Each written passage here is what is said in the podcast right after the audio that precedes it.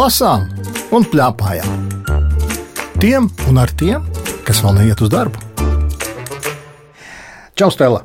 Čau. Stela ir 9 gadi. Nē, man 85. Bet tu labi izskaties, man tad jāsaka. Klausies, pastāst man tādu gudrību. Kā tas dzīvē ir? Kā parasti saka, nu, tur mammas vai tēti lasa grāmatas. Tu esi dzirdējis, tici man. Un gribās baigi lasīt grāmatas? Nē, stēlu pašlaik māja galva, pa labi, pa kreisi. Tas nozīmē jā, jā vai nē? Nē. Nē, negribās. Nu, jā, man ar tā vienmēr šķiet, lasi grāmatas, bet piedošana grāmatas taču ir tik dažādas. Jā. Nu, interesanti, ko tie vecāki domā ar to teicienu, lasi grāmatas. Man arī nu. nepatīk, tad, kad man skolā uzdod, kad man ir jālasa viena konkrēta un patīk pašai izvēlēties. Un ko tu parasti izvēlējies? Tad, kad es gāju otrajā klasē, es lasīju Grega dienas grāmatu, tagad es lasu Kristīnu Olsoni. Un kā tu zināji, ka tieši to ir jāizvēlās? Jo es paprasīju bibliotekārai. Ah, tas Jā. ir gudri. Bet bibliotekārai cik gadi viņai vēl vairāk? 125. Ja? Jā. Un viņa zināja, Jā. kur ieteikt 85-gadīgam cilvēkam. Hmm, tad uzticies ja? vecākiem cilvēkiem tomēr. Labi. Kā tev šķiet, tās grāmatas, par kurām mēs šodien runāsim, ir līdzīgas ar kaut ko? Es teicu, ko ir līdzīgi, jo viņam abām ir ilustrācijas. O, labi, jā, ir ilustrācijas. Tas arī viss, kas viņus vieno. Jā. Man arī šķiet, ka tas ir viss. Turklāt viena grāmata ir mela, un otra ir balta. Tas ir tik ļoti dažādas, pat krāsā.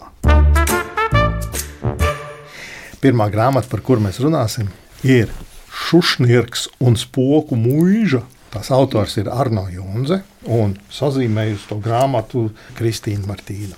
Es to aizmugures vāku parasti palasu, kas tur ir tajā grāmatā. Nu, es izlasīšu pirmos teikumus. Es nezinu, vai no tā var kaut ko saprast. Ar šo svinīgi apliecina, ka grāmatā attēlotie šaušalīgie notikumi vid kaut kur nekurienes mūžā ir atspoguļota saskaņā ar visām ķiparzemes direktīvām par spoku labturību, mazuļu privātajām tiesībām uz daudzonību un zinātnes vīru ieteikumiem. Es arī viņu mēģināju izlasīt, bet man tas baigi daudz neizskaidroja. Vai ne? Tas bija tāds, varbūt pat vajag sarežģīts. Bet nu, kā tad ir?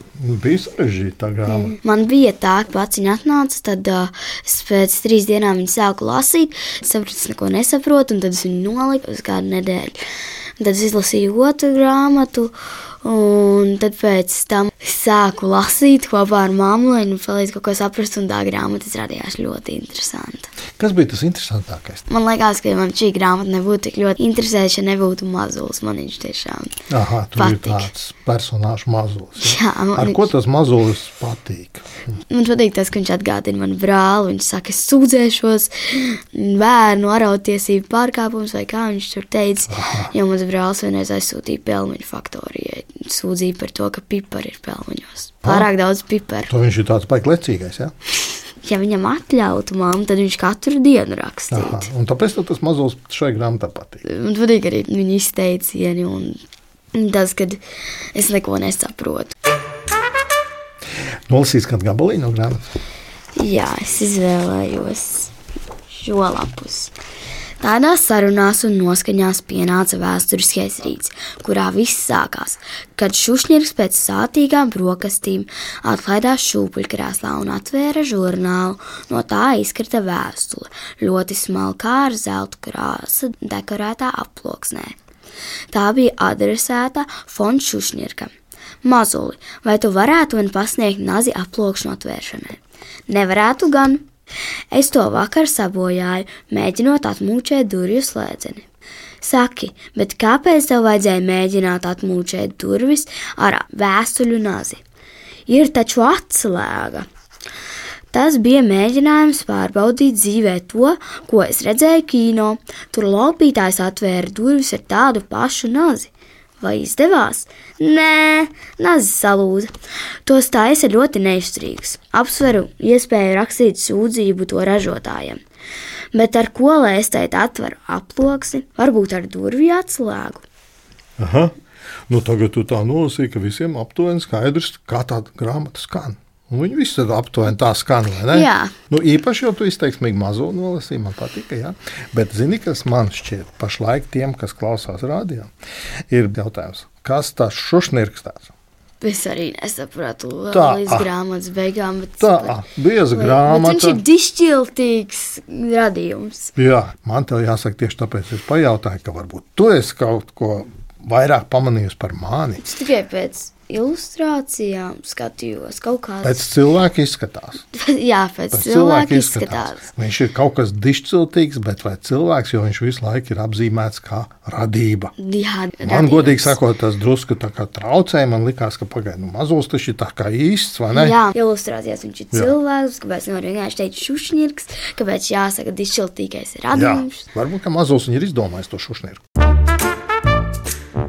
Kas tas ir? Tu tieši nolasīji to gabaliņu, kur sākās sižets nākošajā lapā par to, ka viņus abus divus aicina izmeklēt spokošanos. Mūžā. Tu esi teicis, kāds spoku?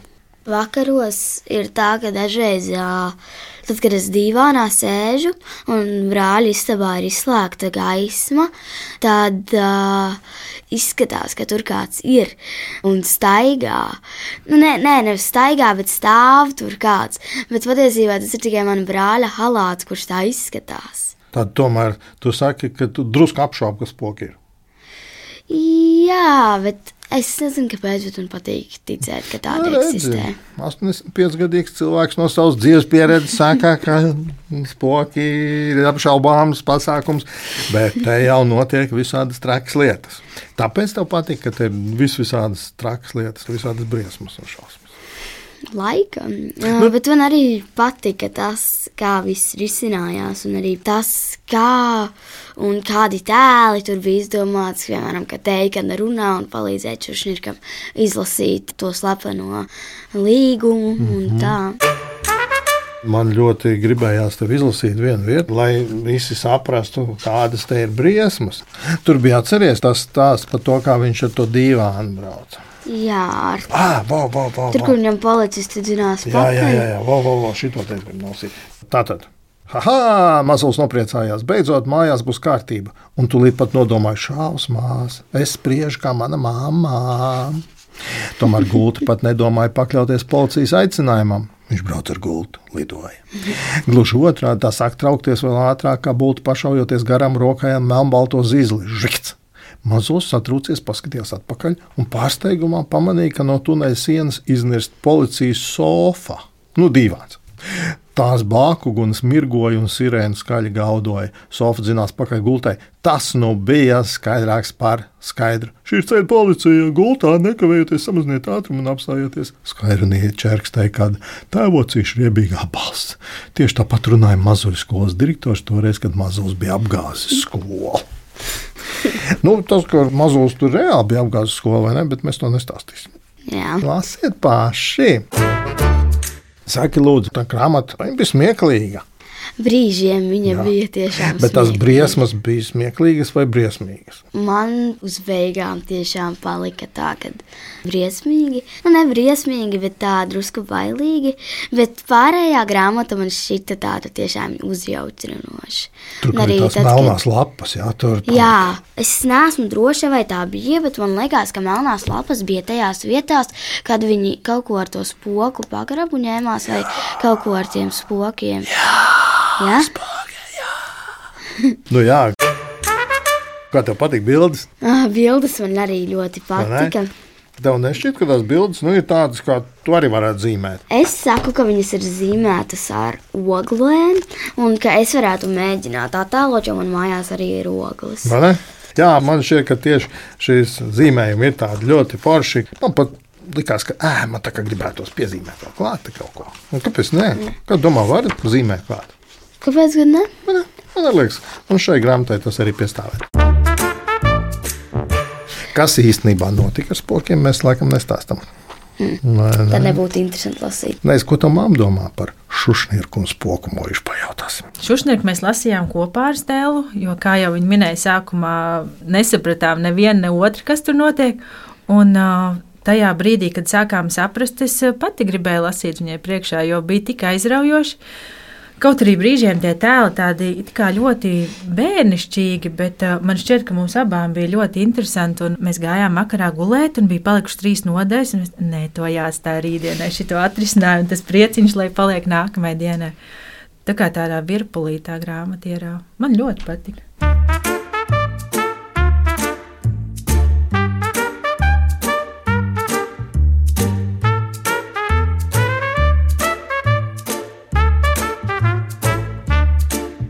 Lasām un plēpājām. Tiem un ar tiem, kas vēl neiet uz darbu. Otra grāmatā ir pavisam baltā, salīdzinoši ar iepriekšējo šušnirku, kurš bija pilnīgi melns. Mēs jau brīdinājām ar 85-gadīgo stēlu, ka mēs runāsim par ļoti, ļoti dažādām grāmatām, lai jūs saprastu, ka pasaulē ir dažādas grāmatas. Pirmkārt, ar ko atšķirās šī grāmata? Man liekas, ka pirmām kārtām tur bija dzējoļi, un, un otrām kārtām, arī ilustrācijas bija krāsainākas. Jā, jau šušnieks ir melnbalts, bet šeit ir viss krāsains un ir dzējoļi. Šo grāmatu sauc Jandāliņš, un tās autors ir Kārlis Vērdiņš, un tās ļoti, ļoti krāsainās ilustrācijas ir sazīmējusi Lotte Vilma Vītiņa. Nu, kā jau tādai vecākai kundzei, es tev pajautāšu, kādas tev attiecības ar dzēju? Um, tā jau man labāk, laikam, ka patīk tādas parastās grāmatas, bet šī dzēja grāmata bija ļoti forša, bet es biju drusku bēdīga par to, ka bija tā, ka sākumā pirmie divi dzējoļi man ļoti patika, bet tad pēc tam tie dzējoļi kļuva tādi nopietnāki un vairāk pieaugušiem domāti. Tā, ah. Un tie tev vairs nepatīk, ka tu esi pieaugušais. Tev jau ir 5 gadi. Ja tu vēl neskaiti sev pie pieaugušiem. Nē, es vēl esmu. À, pie 140 būs. Jā, nu labi. Bet kā tu domā, kāpēc grāmatas nosaukums ir Jandāliņš? Tādēļ, ka um, arī pirmais zejolis attēlo Jandāliņu. Tur ir rakstīts, kā pierīgā visus Varbūt palasām, jaucās. lai uzreiz visi dzird. Labi. Palasam tā, es lasu vienu pantu nākamo. Tātad, Jandāliņš. Pie mums pierīgā dzīve ir mierīga. Visas lietas stāv savās vietās. Desiņa panniņā, pīlīte vāniņā, pupiņas bļodiņā, čūriņa potiņā, magone vāzītē, suliņa glāzītē, datorā mūtenes, šķīvi olu kultenis. Sākās tad skandāliņš, sākās tad jandāliņš un visas lietas steidz mainīt vietas. Desiņa vāniņā, pīlīte panniņā, pupiņas podiņā, čūriņa bļodiņā, magonīte glāzītē, suliņa vāzītē. Tieši uz mūtenes krīt olu kultenis. Nu, tālāk mēs nelasīsim, tāpēc, ka tev vēl ir ļoti interesantas dažādas Jā. pārmaiņas un izmaiņas. Un tas arī ir tas jandāliņš, ja tu saki tas, ka viss apgriežas kājām gaisā. Es teiktu, ka ne tikai tas, bet man arī ļoti šī grāmata atgādināja manu ģimeni, kur es nevaru pateikt vienu dienu, kur mums nav jandāliņš. Uh, es teiktu arī, ka šie dzējoļi attēlo jandāliņu. Ir arī daži, kas neattēlo, piemēram, kur rakstīts Omīte debesīs. Bija arī diezgan jautri dzējoļi, bet bija arī daži nopietnāki. Es teiktu arī tāpēc jandāliņš. Bet tas ir slikti. Nē, es neteiktu, ka tas ir slikti. Es teicu, ka tas tieši ir interesanti, kad ir vairāk veidu dzējoļu vienā grāmatā. Bet man pašai labāk patika pirmie divi dzējoļi. Protams, man arī patika daži pa vidu, piemēram, ka tēvs strādā no mājām, un vēl daži. Nē, tēta dzējos atstāja man, es izlasīšu kādu tēta dzējoli, kuru tu izlasītu. Es labprāt nolasīšu ķīlnieki. Tā ir pa manu māsu. Mani vecāki reiz bija mīlnieki, bet tagad viņi ir čīlnieki. Jo sešos no rīta, kad viss ir kluss, es mostos un sagrābju čīlniekus. Mans ultimāts izskan skaļš un ass. Es izsaku savas prasības. Es gribu, lai tētis man atdod mammu, un viņa man iedod ņamu ņamu, lai viņa smaida ar līgsmu prātu un nomaina pamperi sačurātu. Lai šķīvī man melone sagriezta un datorā rādās, lai sisidrā, lai tētis pietur, kad stāvu es pie loga uz šaurās palodzes un rāda, kā vārnas kastaņos strīdas un paceļ mantas, ko met uz grīdas un atļauj lapas plēst naudas kokam un visu dienu, lai nesā uz rokām. Tās vēl nav beigušas šim dzīvolim, vai ne? Jā, tur ir vēl. Jā, man arī šis dzīvojums šķita ļoti patiess. Jā. Tev arī es saprotu, Jā, ir jo es esmu pieredzējis ne katru rītu, bet es varētu teikt, ka brīvdienu rītos. Akala to 60 gadīgo brāli, ja? nu, to mazo brāli. Savu. Jā. Kur vēl tu gribētu nolasīt? Man laikam patika tas, kur teica, strādā no mājām. No, tas piedod bērniņ, man zvana stulbais, spēlējies ar zivju un gulbi. Tētis visu ar stulbo sarunās, tad arī ar tevi parunās. Piedod, bērniņ, man zvana trakā. Grūti saprast, ko viņa saka, ka teica klusē, lai runā trakā, kamēr tu sēdi un kā kā. Piedod, bērniņ, man zvana dūlais. Ja gribi, tad droši ej lēkā pa gultu. Tētis tev neko neaizliedz, kamēr dūlais tam klausu liekliedz. Nesūdzies, bērniņ, ka manis nav gana. Tagad man slinkais ir jāsazvana, kamēr pīkstēs signāli kusli, tu jau būsi salicis puzli.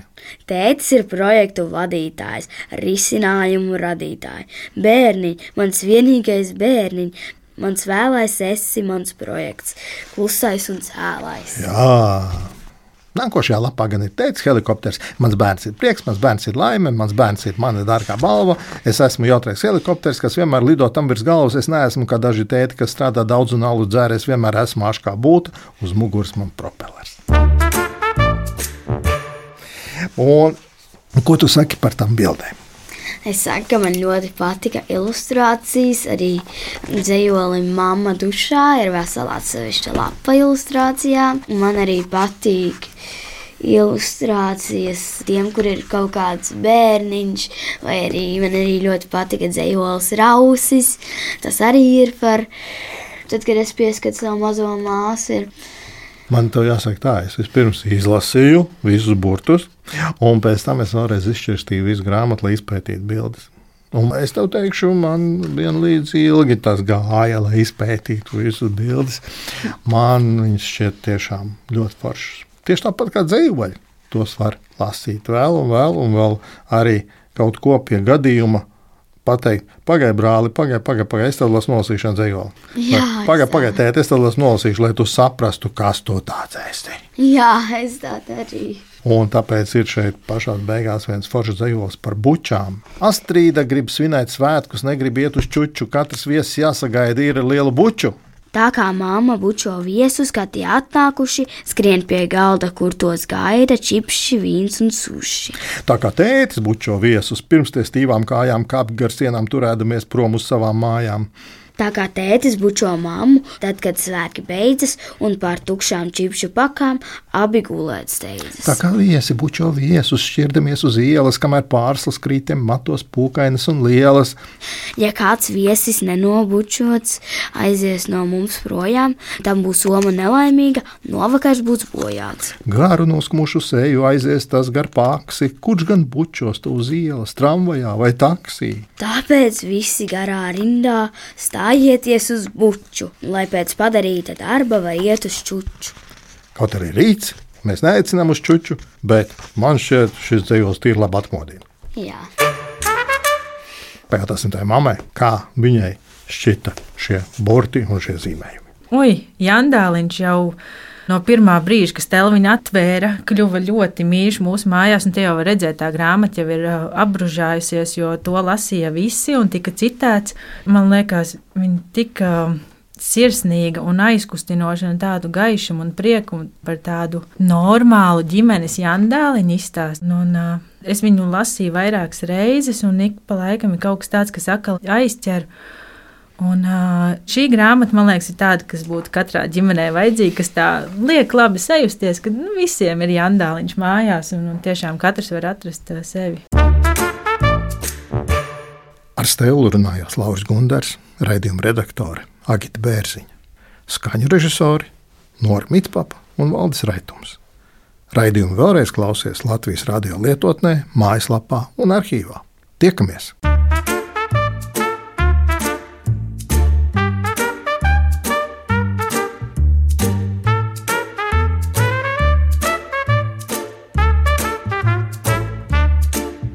Lasām un plēpājām!